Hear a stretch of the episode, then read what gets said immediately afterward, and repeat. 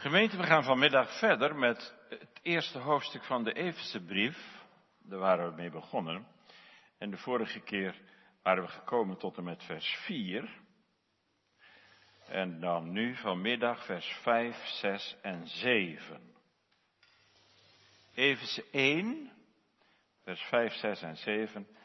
Die ons tevoren verordineerd heeft tot de aanneming tot kinderen door Jezus Christus in zichzelf, naar het welbehagen van zijn wil, tot prijs van zijn, de heerlijkheid van zijn genade, door welke hij ons begenadigd heeft in de geliefde, in welke wij hebben de verlossing door zijn bloed, namelijk de vergeving der misdaden naar de rijkdom zijner genade. Echt zo'n dogmatische tekst. Maar je kunt niet altijd maar eenvoudige geschiedenissen preken. Dat moet je wel eens afwisselen. En ik dacht, u bent nu fris terug allemaal van de vakantie. Je hersens zijn weer uh, soepel. Dus we gaan proberen om het zo bij u te brengen, gemeente, geven de Heer dat, dat het over mag komen. Loflied op Gods genade in Christus. Daar gaat het over. We letten op. Aangenomen tot kinderen. Begenadigd in de geliefde. Verlost door zijn bloed. Het zijn allemaal stukjes letterlijk uit de tekst. Dus een loflied op Gods genade in Christus. Aangenomen kinderen. Begenadigd in de geliefde en verlost door zijn bloed. Jongens en meisjes, als jullie er de vorige keer waren, en anders is het goed als ik eigenlijk op dezelfde manier begin, toen hebben we Efeze 1 vergeleken met een prachtig landschap in de bergen, in de Alpen. Het Zwitserland van het Nieuwe Testament. Die prachtige besneeuwde bergen en de glinsterende zon daaroverheen. Uitzicht op de liefelijke groene dalen met al die kleine dorpjes en die hebben allemaal weer een kerkje en dat kerkje wijst naar boven, naar God, de schepper van hemel en van aarde. In dat bergland liggen eeuwenoude gletsjers. Ja, hoe lang nog weten we niet, want het smelt allemaal behoorlijk, hè? dat heb u wel bijgehouden. En daar, juist door dat smelten van die gletsjers, daar ontspringen ook de bergrivieren. In vers 4 stonden we de vorige keer bij de bron van zo'n machtige bergrivier. De bron waaruit de stroom van heerlijke geestelijke zegeningen naar ons toestromen. De bron is het eeuwig welbehagen van God. Zijn verkiezende liefde van voor de grondlegging van de wereld. En nu wandelen wij vanmiddag langs een stukje van die bergstroom door het hoogland. Paulus spreekt namelijk over zulke geweldige, grote, rijke dingen. De aanneming tot kinderen en de verlossing door zijn bloed, door het bloed van Jezus. En nog weer een stukje verderop kun je zien hoe die bergstroom van Gods genade, als het ware als een, een klaterende waterval uitmondt in de eeuwige heerlijkheid van de nieuwe schepping. Aan het eind van de tijd, als de Heer Jezus voor eeuwig het heerlijk hoofd van zijn gemeente zal zijn. Jongens en meisjes, willen jullie daar ook graag zijn? Bij de Heere God? Denk je daar wel eens over? Komt een nieuwe aarde en een nieuwe hemel, dat betekent het nieuwe uitspansel, dus een hele nieuwe schepping. Denk je er wel eens aan Oh, dat moet zo mooi zijn. Er is niemand meer verdrietig. Er is de Heer dichtbij. Dan ben ik gelukkig. Niemand ziek. Heere God is zo goed. Dat zou toch mooi zijn als je eeuwige toekomst bij Hem mag zijn. Hè? Probeer maar mee te pikken van de preek wat je kunt. Gemeente, het begin van, hoofdstuk, van dit hoofdstuk bezingt de grootheid van God. Geprezen zij de God en Vader van onze Heer Jezus Christus, die naar zijn grote barmhartigheid ons heeft wedergeboren tot een levende hoop. God is geen afstandelijke, onpersoonlijke God. Zoals Allah. Ver en ongenaakbaar. Maar er is die God die zich laat kennen persoonlijk in zijn Zoon, de Heer Jezus Christus. Hoe persoonlijk klinkt dat, hè? Gezegend zij de God en Vader. De Vader. Dat woordje Vader. En in en om Hem, om Jezus wil, ook mijn Vader. Onze Vader. Jouw Vader. Dat is toch heel bijzonder. Die grote God, die wij niet begrijpen kunnen, dat we daar Vader tegen mogen zeggen. Als we geloven in de Heer Jezus. God heeft een plan met de schepping, mensheid, met ons leven. En dat plan voert Hij uit. En over dat bestemmingsplan van God met de wereld en met ons gaat het in Efeze 1. Om de inhoud daarvan te leren kennen, moeten we kijken naar de Heer Jezus. Want Hij is de kern van Gods plan.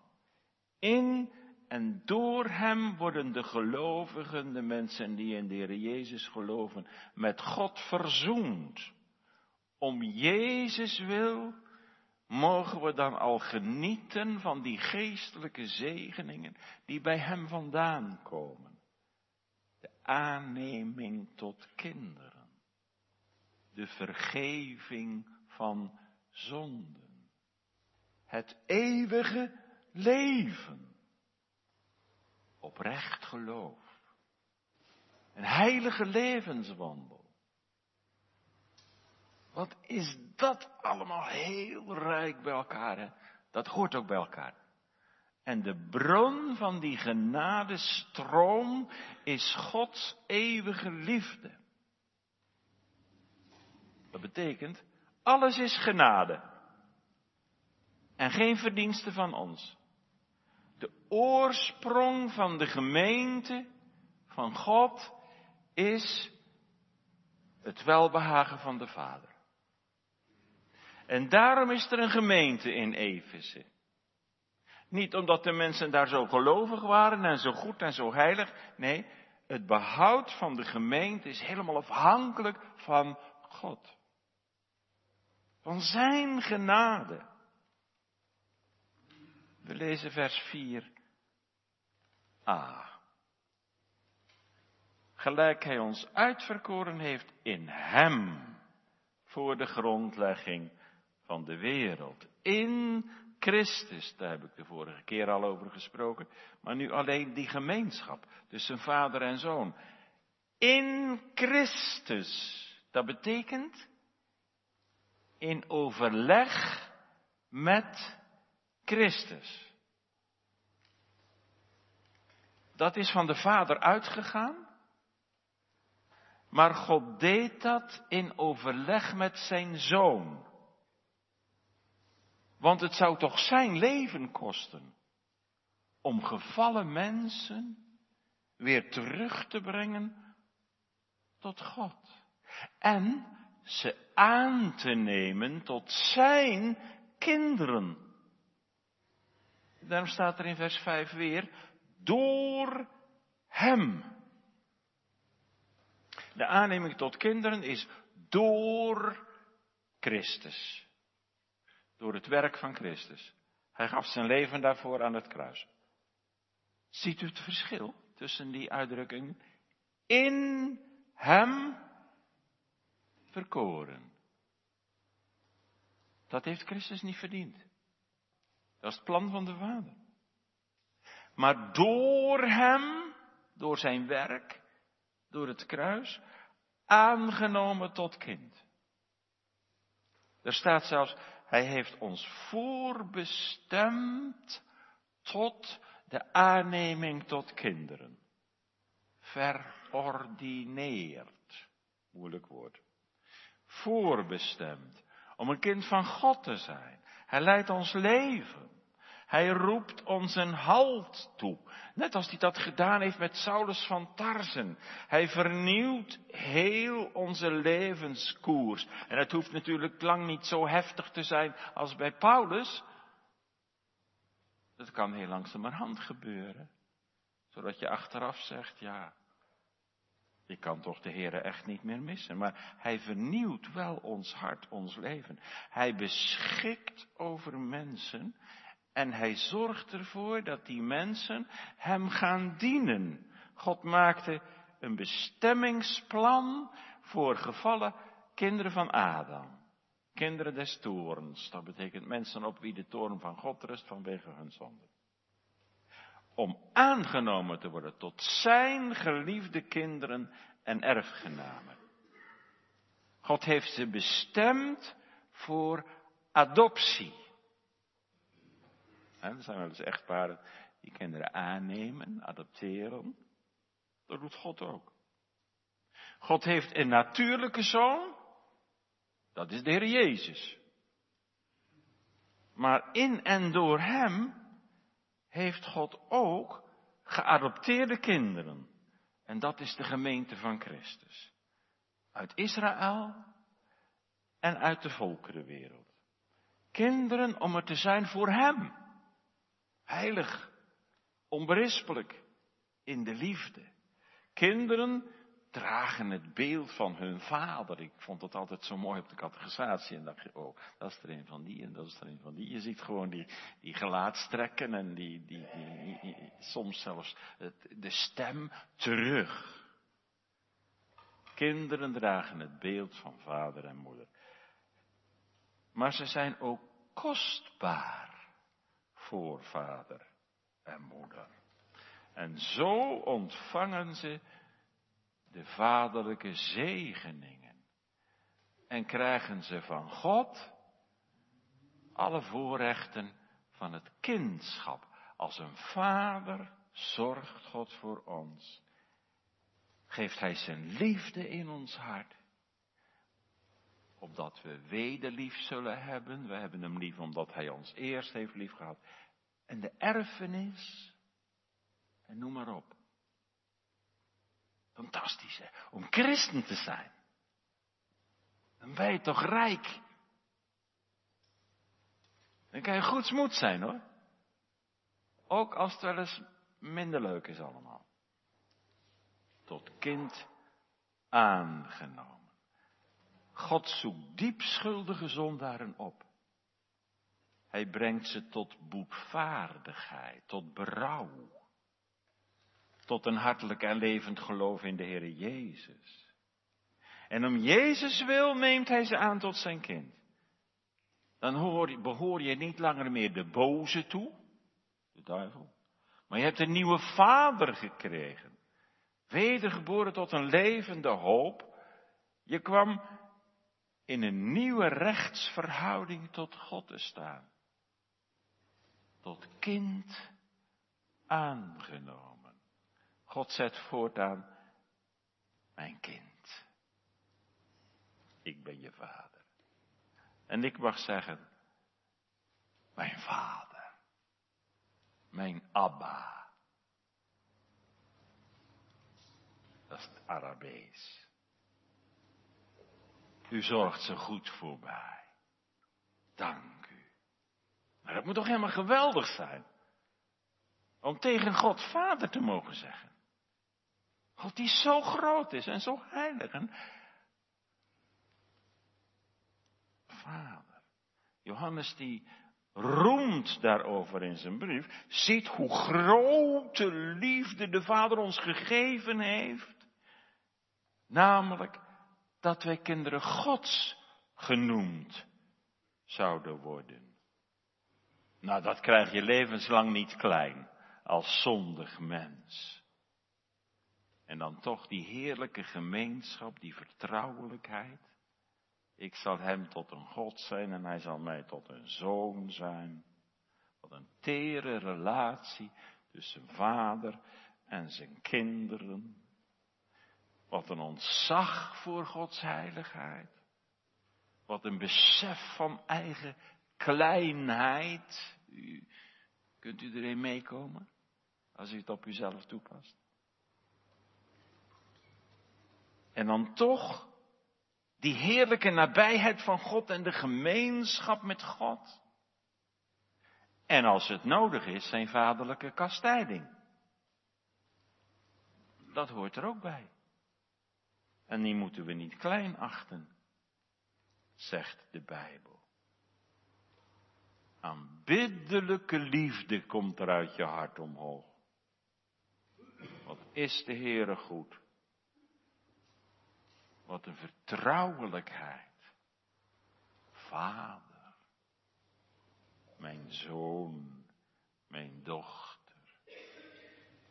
Wat, een, wat word je dan klein in jezelf? En de Heere zo dichtbij. Door Jezus Christus. Dat is heel belangrijk. Dankzij de persoon en het werk van Christus. Want hij betaalde de schuld en hij droeg de straf. En zo komt het zicht op zijn bloed, waar vers 7 rechtspreeks over spreekt. Hij is geboren uit Maria, gekomen onder de wet, opdat hij degene die onder de wet waren verlossen zou, opdat wij de aanneming tot kinderen verkrijgen zouden. De Bijbel staat er vol van, hè? om kinderen des torens aan te nemen tot zijn geliefde kinderen. Gaf God zijn enige geboren en geliefde zoon aan deze wereld. En als we in hem geloven en hem liefhebben, ja, dan mogen we daaruit ook weten dat God ons tot zijn kind heeft aangenomen.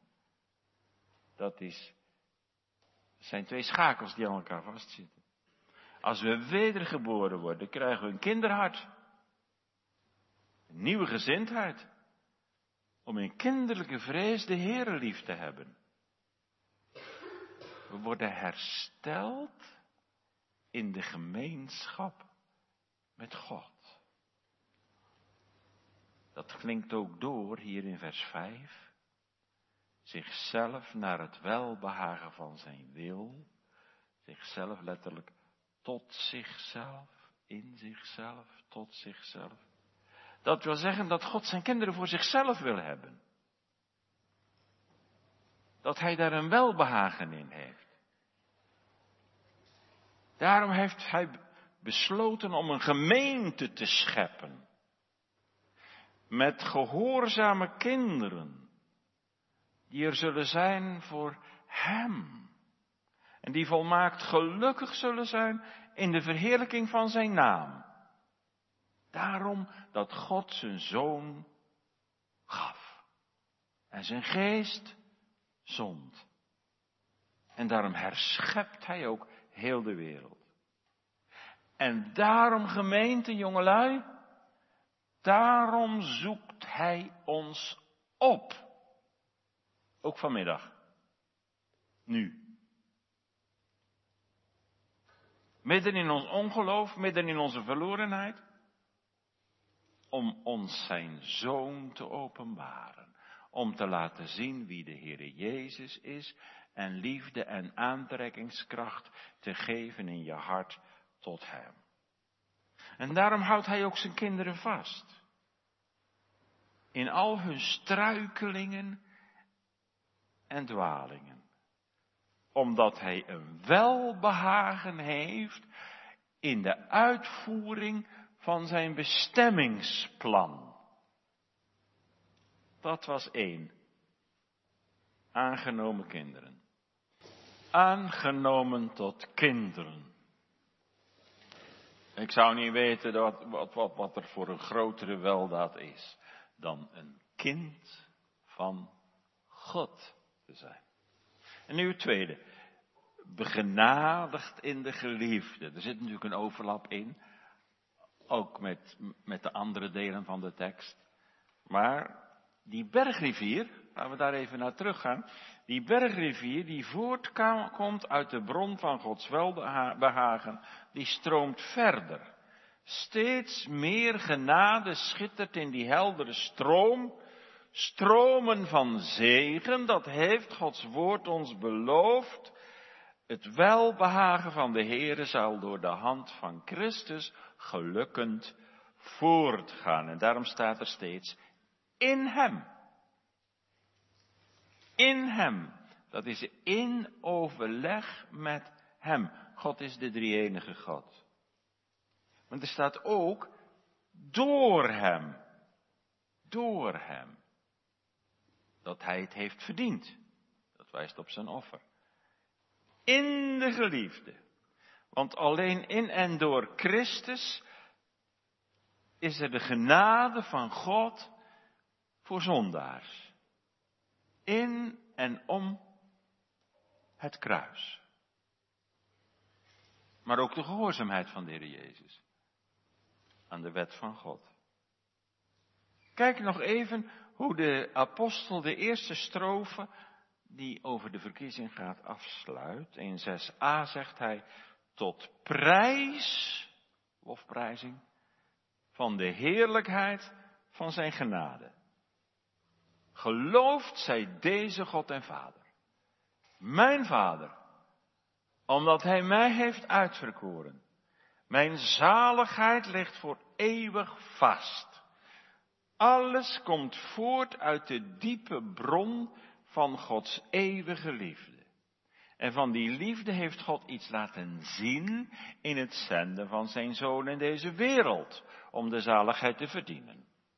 Tot prijs van de heerlijkheid van zijn genade. Genade betekent, je hebt het niet verdiend. Soli Deo Gloria. De aanneming tot kinderen is alleen te danken aan de genade van God. En die genade moet niet alleen genoten worden, dat is een heerlijke ervaring, maar die moet ook geprezen worden. Daarom zegt Paulus, geloofd zij de God en Vader van onze Heer Jezus Christus. Eigenlijk schieten woorden hier tekort.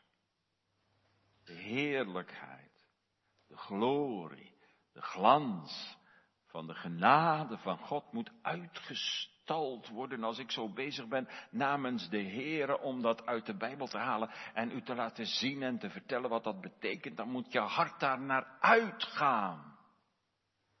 De glans van die genade moet uitgestald worden, geprezen, uitstralen. Want het gaat toch om de eer van God? En dan schieten woorden tekort. De lengte en de breedte en de diepte en de hoogte van de genade is onpeilbaar. Maar het is wel alles tot glorie van God. En hoe diep en aanbiddelijk is die genade. Zij straalt uit in begenadiging, als God die genade geeft. Die zondaren krijgen in de gemeenschap door het geloof met de Heer Jezus Christus. Het vindt allemaal zijn brandpunt in Christus. In Christus en door Christus. Vers 6b zegt, door welke hij ons begenadigd heeft in de geliefde. In Christus. In gemeenschap met Christus. De Heer Jezus krijgt hier een van de meest kostelijke namen. Hij is de enige geboren zoon van God. Hij is de Messias. Hij is Gods knecht. Hij is zijn uitverkorene tot aan het kruis. Denkt u daar eens over na. Christus is Gods uitverkorene tot aan het kruis. Want de Heere God wist wel wat er gebeuren zou op aarde. En als Hij ons laat zien hoe Hij de zaligmaker en zijn leven geeft voor zijn schapen. Als we horen hoe deze geliefde zoon van God verlaten is van de Vader aan het kruis. En als u dan echt gelooft dat u om uw zonden van God verlaten moet worden, dat dat eerlijk is en rechtvaardig is, juist dan, als je ziet wat het Christus gekost heeft, dan krijg je hem lief. Onbeschrijfelijk lief. Mag, mag u het zeggen? Hij is ook mijn geliefde. Of heb je hem niet lief? Tieners. Twintigers. Kleintjes. In ons midden. Heb je de Heer Jezus lief? Of niet? Als je hem lief hebt, dan is hij eigenlijk je bruidegom. Dan slaat hij zijn arm om je heen. En zegt hij, kom maar bij mij hoor. Je bent van mij. Ik zal je helpen in alles. En je schuld is verzoend. In de geliefde. Wat is dat rijk? Dan zegt u, ja Paulus, ik, je hebt het helemaal gelijk. Ik, ik ga meedoen. Ik roep met je mee. Ik ben begenadigd in de geliefde. Want alles heeft ook te maken met de Heere Jezus.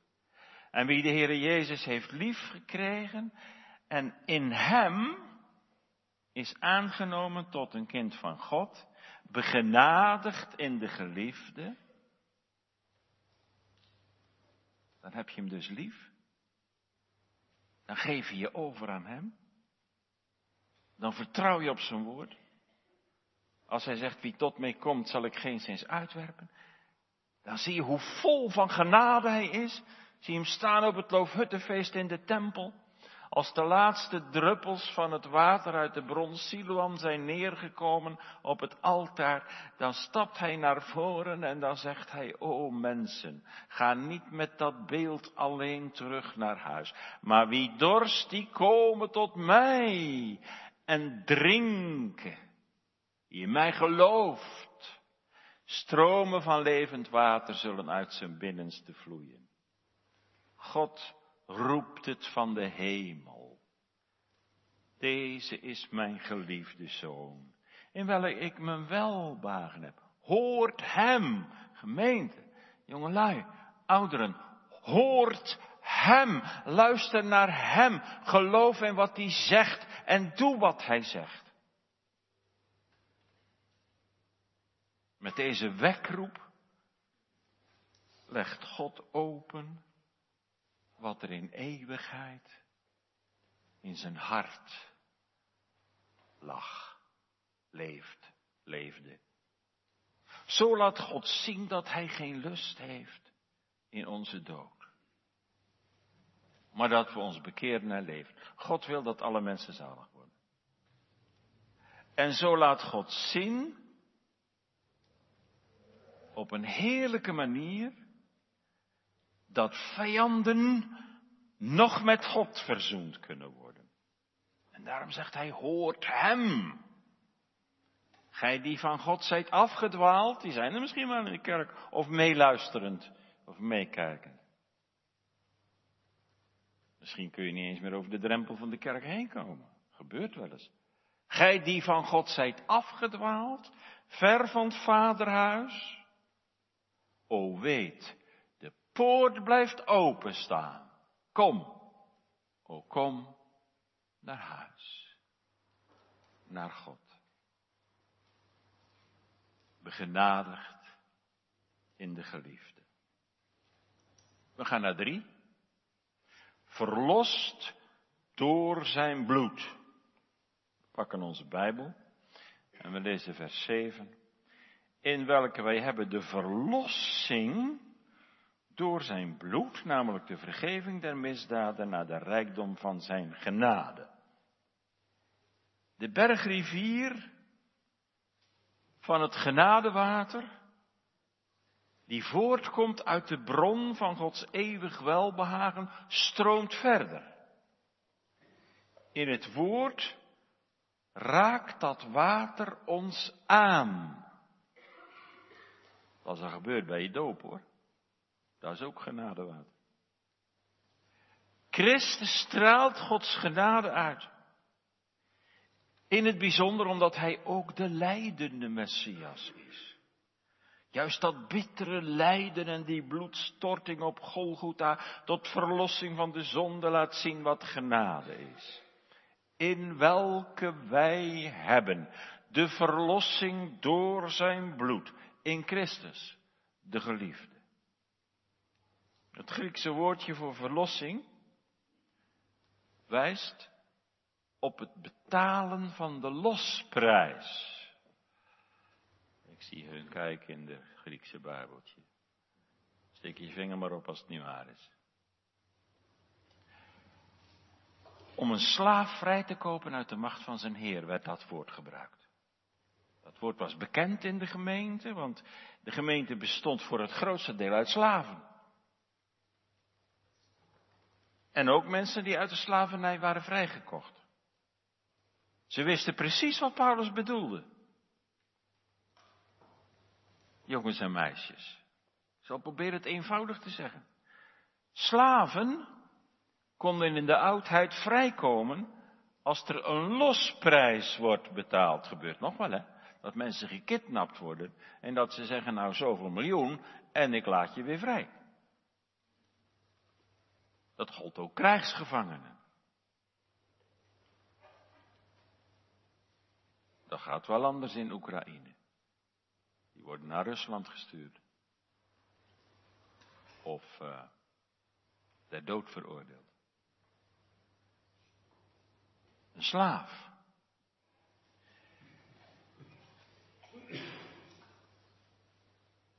Dat kun je toch haast niet voorstellen, gemeente, een slaaf te zijn.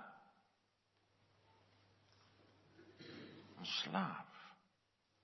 Letterlijk. Is maar goed dat de slavernij is afgeschaft. We komen er nog wel een beetje laat mee, hè, als ze in Suriname daar excuses voor aan gaan bieden. Maar er is nog verslaving. Niet alleen in de tijd van Paulus. De een is verslaafd aan alcohol. De ander aan drugs. En een ander seksverslaving. Dat is ook vreselijk. Maar in de tijd van Paulus en eeuwenlang waren er letterlijke slaven. Dat is wat. Dat je niet vrij man bent, jongelui. Jullie houden van vrijheid, ik ook trouwens hoor. Maar een slaaf te zijn. Geen vrij man. Je kunt niet gaan en staan waar je wil. Jullie kopen een hond. Of een konijn. Of een paard. Zo werden vroeger mensen gekocht en verkocht om te werken. En nu het woordje losprijs. Dat herinnerde in de oud, aan een gewoonte in de oudheid om slaven vrij te komen. En dat ging zo.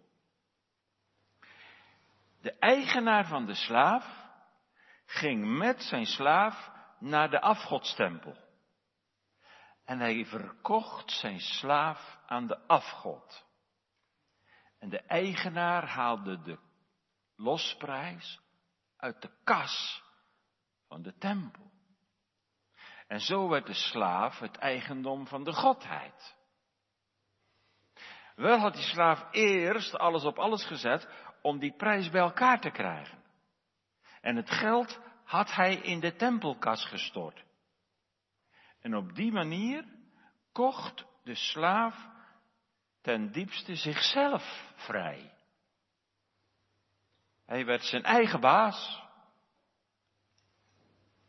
En hij leefde weer voor zichzelf.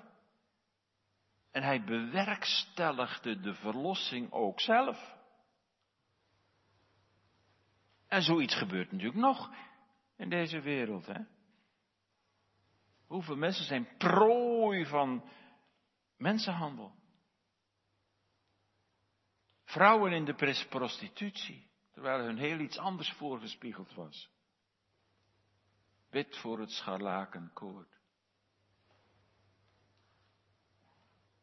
Dat is ook een reden voor mensen om asiel te zoeken.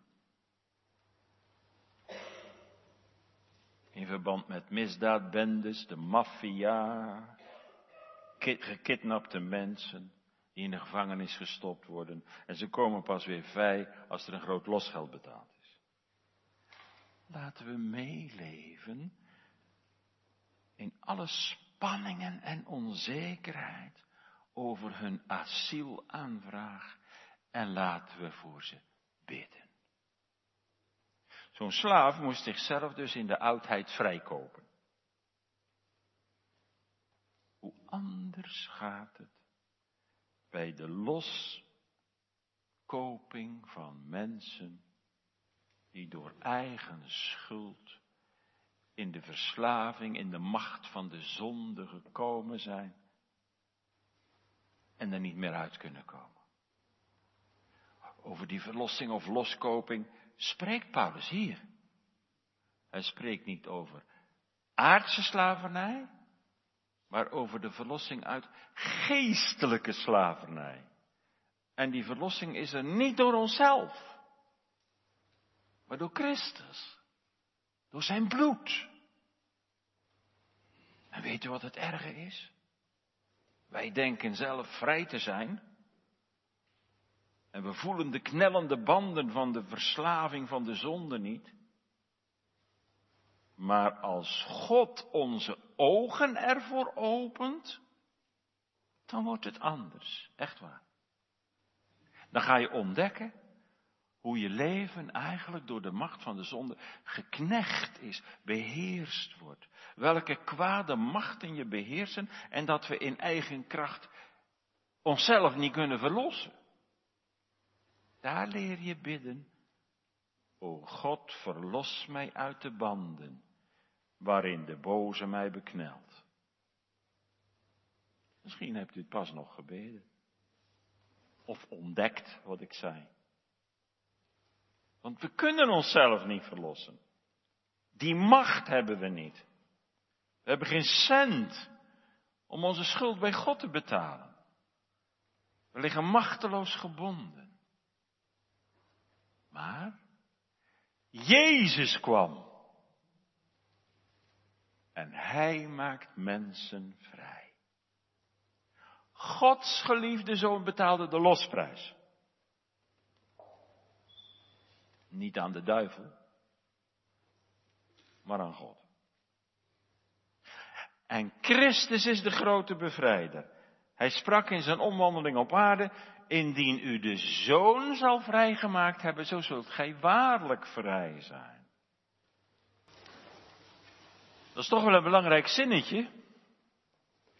Als de apostel zegt, in welke, dat is in Christus, in welke wij de verlossing hebben. U even goed tot u door laten dringen. De geest past toe wat we in Christus hebben, staat er in het doopformulier. Hebben in de belofte, maar dat moet wel toegepast worden. En daar is het werk van de Heilige Geest voor nodig. Dat is genade. In welke wij de verlossing hebben. Dat is tegenwoordige tijd.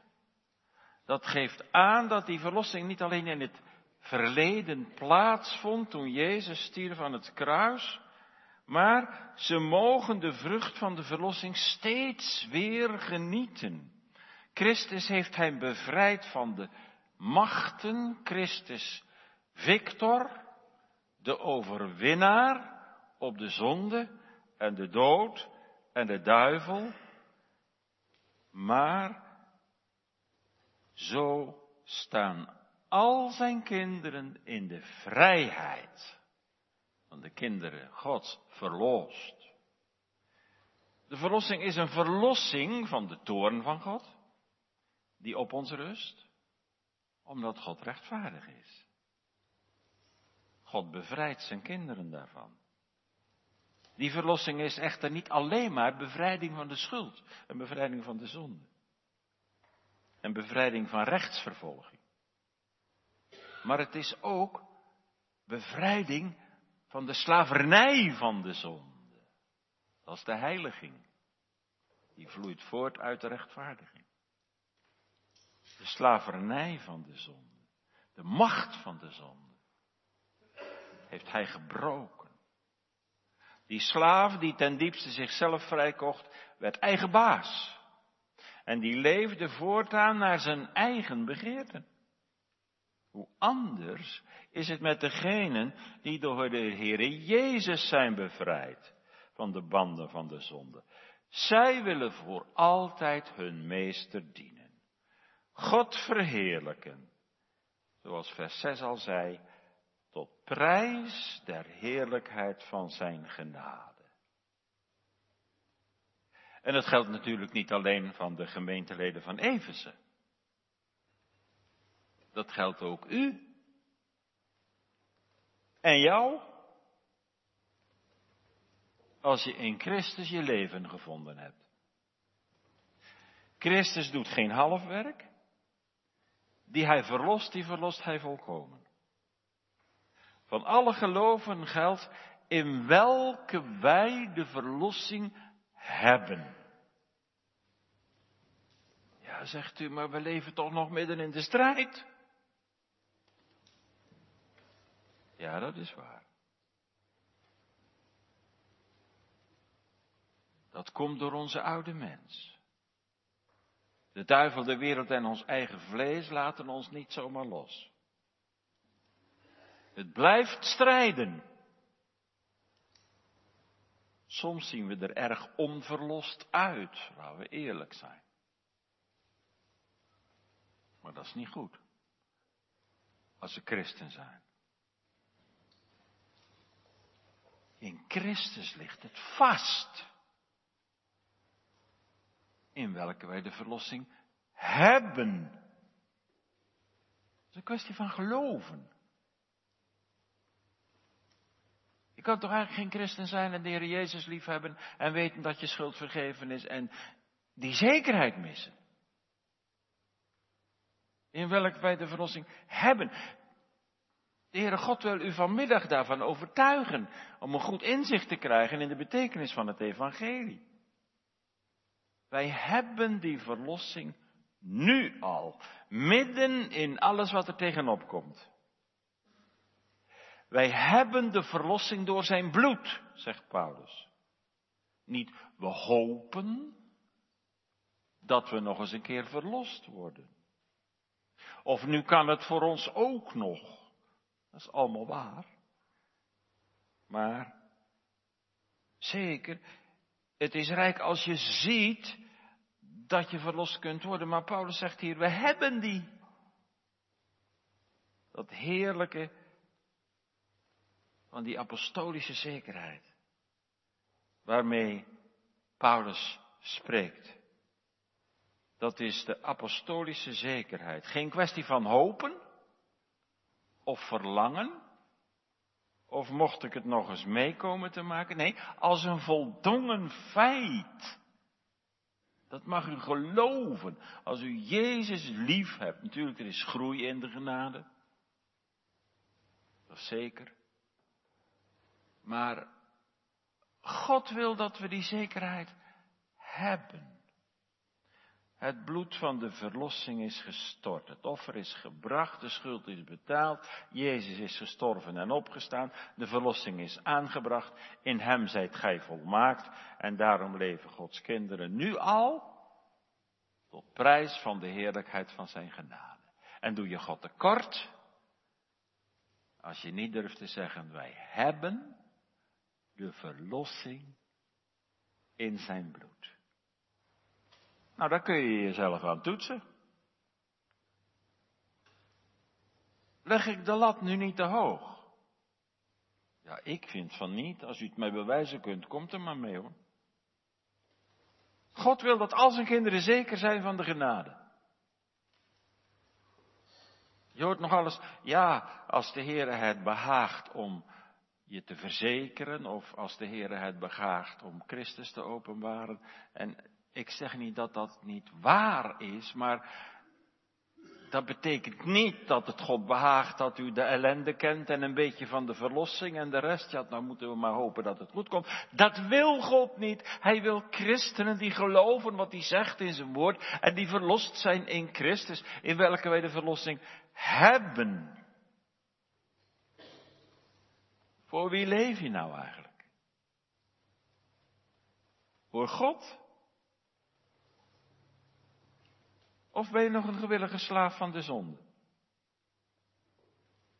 Als u leeft voor God en als je leven is vernieuwd, dan wil je de zonde niet meer doen. Je wil voor de Heere leven en je gaat rekening houden met God en met zijn geboden. Telkens ontdek je weer dingen in je leven, zondige gewoonten bijvoorbeeld, die moeten veranderen. Dat is de dagelijkse bekering. Dat is de dagelijkse strijd tegen de zonde. Je krijgt een hekel aan de zonde, waar God door bedroefd wordt. Je krijgt een verlangen om heilig voor de Heer te leven. Dat lijkt een hele strijd in je leven. Dat blijft zo. Maar zeker is dat je van koning veranderd bent. Hij heeft verlost, losgekocht, vrijgekocht van de toorn van God over de zonde. En dat heeft hem wat gekost. Daartoe gaf God zijn zoon in de bittere en smadelijke dood aan het kruis. Daarom krijg je de Heer Jezus juist zo lief en zo'n last van je zonde dat je zegt, oh wat heb ik u aangedaan, Heer Jezus. Is het zo erg met mij dat dit ervoor nodig was? Zijn bloed, zijn offer, Golgotha. Zijn zelfovergave aan het kruis. Hoe hij zich gaf als het lam van God. Heeft laten binden. Heeft laten kruisigen. Die losprijs die nodig was om zondaren te verlossen. Dat is de losprijs die Christus betaalde. Zijn leven. Hij gaf zijn leven voor zijn schapen. En als je dat ziet, gemeente, dan, dringt het steeds meer tot je door. Wat is de zonde toch vreselijk? Wat heeft dat toch teweeg gebracht? Het bloed van Christus is zoenbloed. Wat een liefde van God, hè? Het bloedende lam, dat de zonde van de wereld wegneemt. En die twee woorden, zijn bloed, wordt eigenlijk heel het lijden en sterven van de Heer Jezus samengevat. In welke wij de verlossing hebben door zijn bloed. Nou, dat hoort bij een christen. Dat is een van de kenmerken van een christen. Toets u zelf. Mag u zeggen gelukkig, God zij dank, door genade hing hij ook voor mij aan het kruis. Jij in je jonge leven, is deze Heere Jezus je lief geworden. Dan roept hij in iedere preek om te bedenken hoe lief hij jou had. En wat hij allemaal voor je over had. En waar jij je wegschaamt over je zonde en de verkeerde neigingen van je hart. En dan zegt hij, luister nou eens goed mijn kind. Wat ik voor je over had. Mijn bloed. Mijn leven. Begin nou zelf niet meer steeds over die zonde van vroeger. Of ik die vergeven wil. Want die zijn toch in een zee van eeuwige vergetelheid geworpen. Daar gaat het niet meer over. Het gaat over nu. Die hoge prijs stemt tot diepe eerbied, verwondering, een loflied dat we mogen aannemen als we zien hoe het genadewater van de bergrivier in een klaterende waterval neervalt in de diepte van ons gevallen mens zijn. Dan worden we overspoeld door de stervende liefde van de Heere Jezus. Dan ga je zingen in je hart, gelovig en bezield. En alle snaren in je ziel trillen mee. Heere, uw bloed dat reinigt mij. Doet mij leven en maakt mij vrij.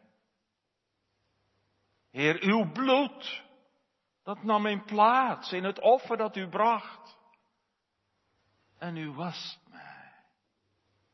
Witter dan de sneeuw. Mijn Jezus, Gods lam, voor mij geslacht. Amen.